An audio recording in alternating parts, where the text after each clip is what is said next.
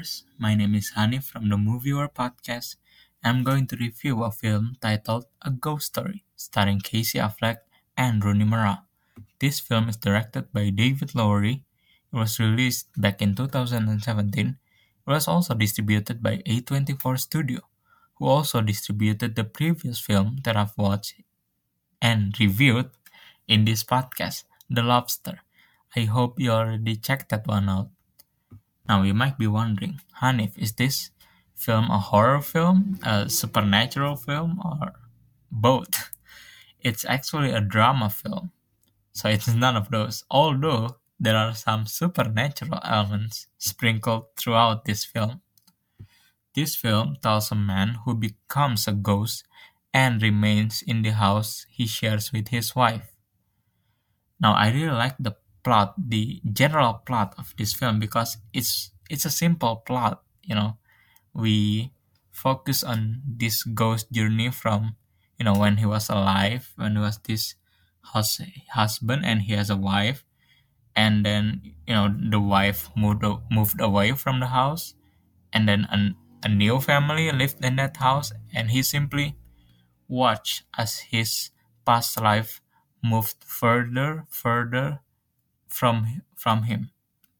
I really like that idea. It brings this you know despair feeling for you know for the ghost and for us the viewer. So we simply watch this film from from the ghost point of view, and that's that's quite rare because when we saw you know, films like ha- haunted houses and such, we simply you know look at it from the family point of view, not the ghost point of view. Although guaranteed this is more of a different film because it's a drama, not not really a horror. That's not the element that the filmmaker focus on. And that's basically the plot. I don't want to spoil too much because it's an interesting film, really. I'm going to tell you what I what I like from this film. First of all, the character, be, and you know, actually, by character, I was referring to Casey Affleck's character, the ghost itself. I really like it. Uh, we saw when he was alive, when he was this sort of a musician, I think. You know, he he's a musician and he loves his wife know they have this intimate relationship together. I mean he can be quite quite of a jerk sometimes but oh he he's a he's a good man. And then he died and then he's he become a ghost. And as you see from the you know from the cover of this film from the poster and the ghost isn't that scary you know it's your stereotypical ghost white sheet with two eye holes for for the eyes you know and but i'm quite amazed because I, affleck only you know spoken like when he was alive and when he became a ghost he simply moved around using his body language and such. I find that really interesting because he he can only communicate by moving objects around because he's guaranteed he's invincible as a ghost so he cannot talk. He only he can only communicate with other ghosts which was shown in this film. There are other ghosts and they're not too scary too. And yeah that's that's casey affleck's character. That's basically the main character the ghost itself. And I really like the music of this film too. Casey Affleck, I think I think Casey Affleck sung that song, and the song is is really great. I enjoy listening to it, and we get to hear this song on flashback scenes and and also towards the end, which really impact me as a viewer. I almost cried because of that song because it's it's a real beautiful song the sound and also the sound because the sound plays a very important role in this film. You have this haunting cello music playing in the background, and there are other sound that you can listen throughout the film. It's not a heavy dialogue film, which surprised me, caught me off guard to be honest. I thought you know drama film most of the time relies on dialogues, especially heavy dialogues. In this film, not so much because the you know Casey Affleck and Rooney Mara only interact when Casey Affleck was alive. Casey Affleck's character was alive, and when he became a ghost, he simply watched and he cannot he cannot talk. So simply move around. I really like the sound and the music aspect of this film. Another aspect of this film that I really like, as I've mentioned before, is the concept. A concept in which we, as the viewers, focus on the ghost point of view. You know, he simply he felt empty when he died and became a ghost. He felt this sort of despair.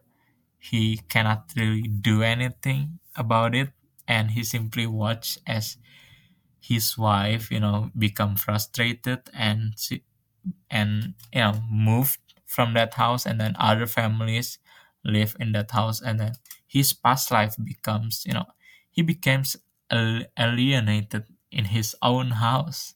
That's kind of sad and interesting at the same time. And the last aspect that i really like is the visual and to be specific the cinematography of this film. I really like it when the film uh, it doesn't really use you know the ratio in which we are used to see in films.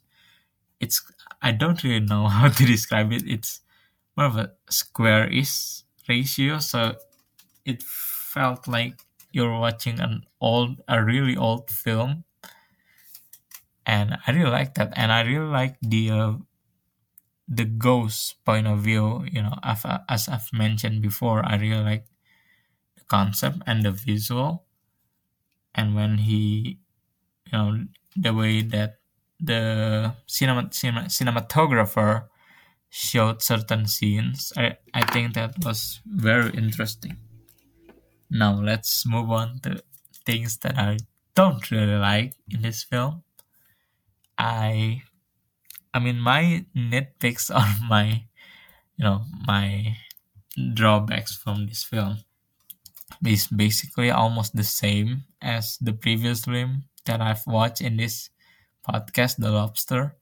I think some scenes are you know quite too long for me to see. I mean there are there are there are scenes that where the wife you know she was sad and then she ate this uh, what is it? Instant pizza if i'm not mistaken or i don't know or something was something that you put in a microwave and this scene went too long. I mean it was five minutes or more i think. And uh, yeah there are quite there are other scenes that i think could have been left out in the film would you know would be the same you know as it is. And i was i mean i'm i'm used to you know film with heavy dialogues with many many dialogues especially drama and film in this repertoire. And i was a bit you know, caught off guard as i've mentioned. I don't know if it counts as a negative thing though. I think it's um I have mixed feeling with the lack of dialogue in this film. So yeah, that's my overall review of the film. I'm gonna give it a 7.5 out of 10. Now, which would I re- recommend you, viewer listeners, watch this film? I mean, sure, I hope you can endure the runtime. I mean, it's not that long. It's only 90 minutes, but there are some scenes which runs too long, too long for me to bear. And you know, as I've mentioned before, this film doesn't really have that much dialogue in it. So, you know, it's more of a scene to scene type of film. I I mean, if you're interested in the plot, I think you should check it out. But if the plot itself doesn't really interest you, then you know you can watch anything else basically because this film it's yeah it's it's a good film by any means but it's not spectacular and it's not my favorite from A24 studio.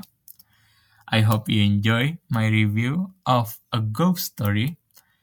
Now for the next episode, I'm planning to check this film titled as Songbird, which is about no the COVID-19 pandemic. so see you on the next episode and have a great day.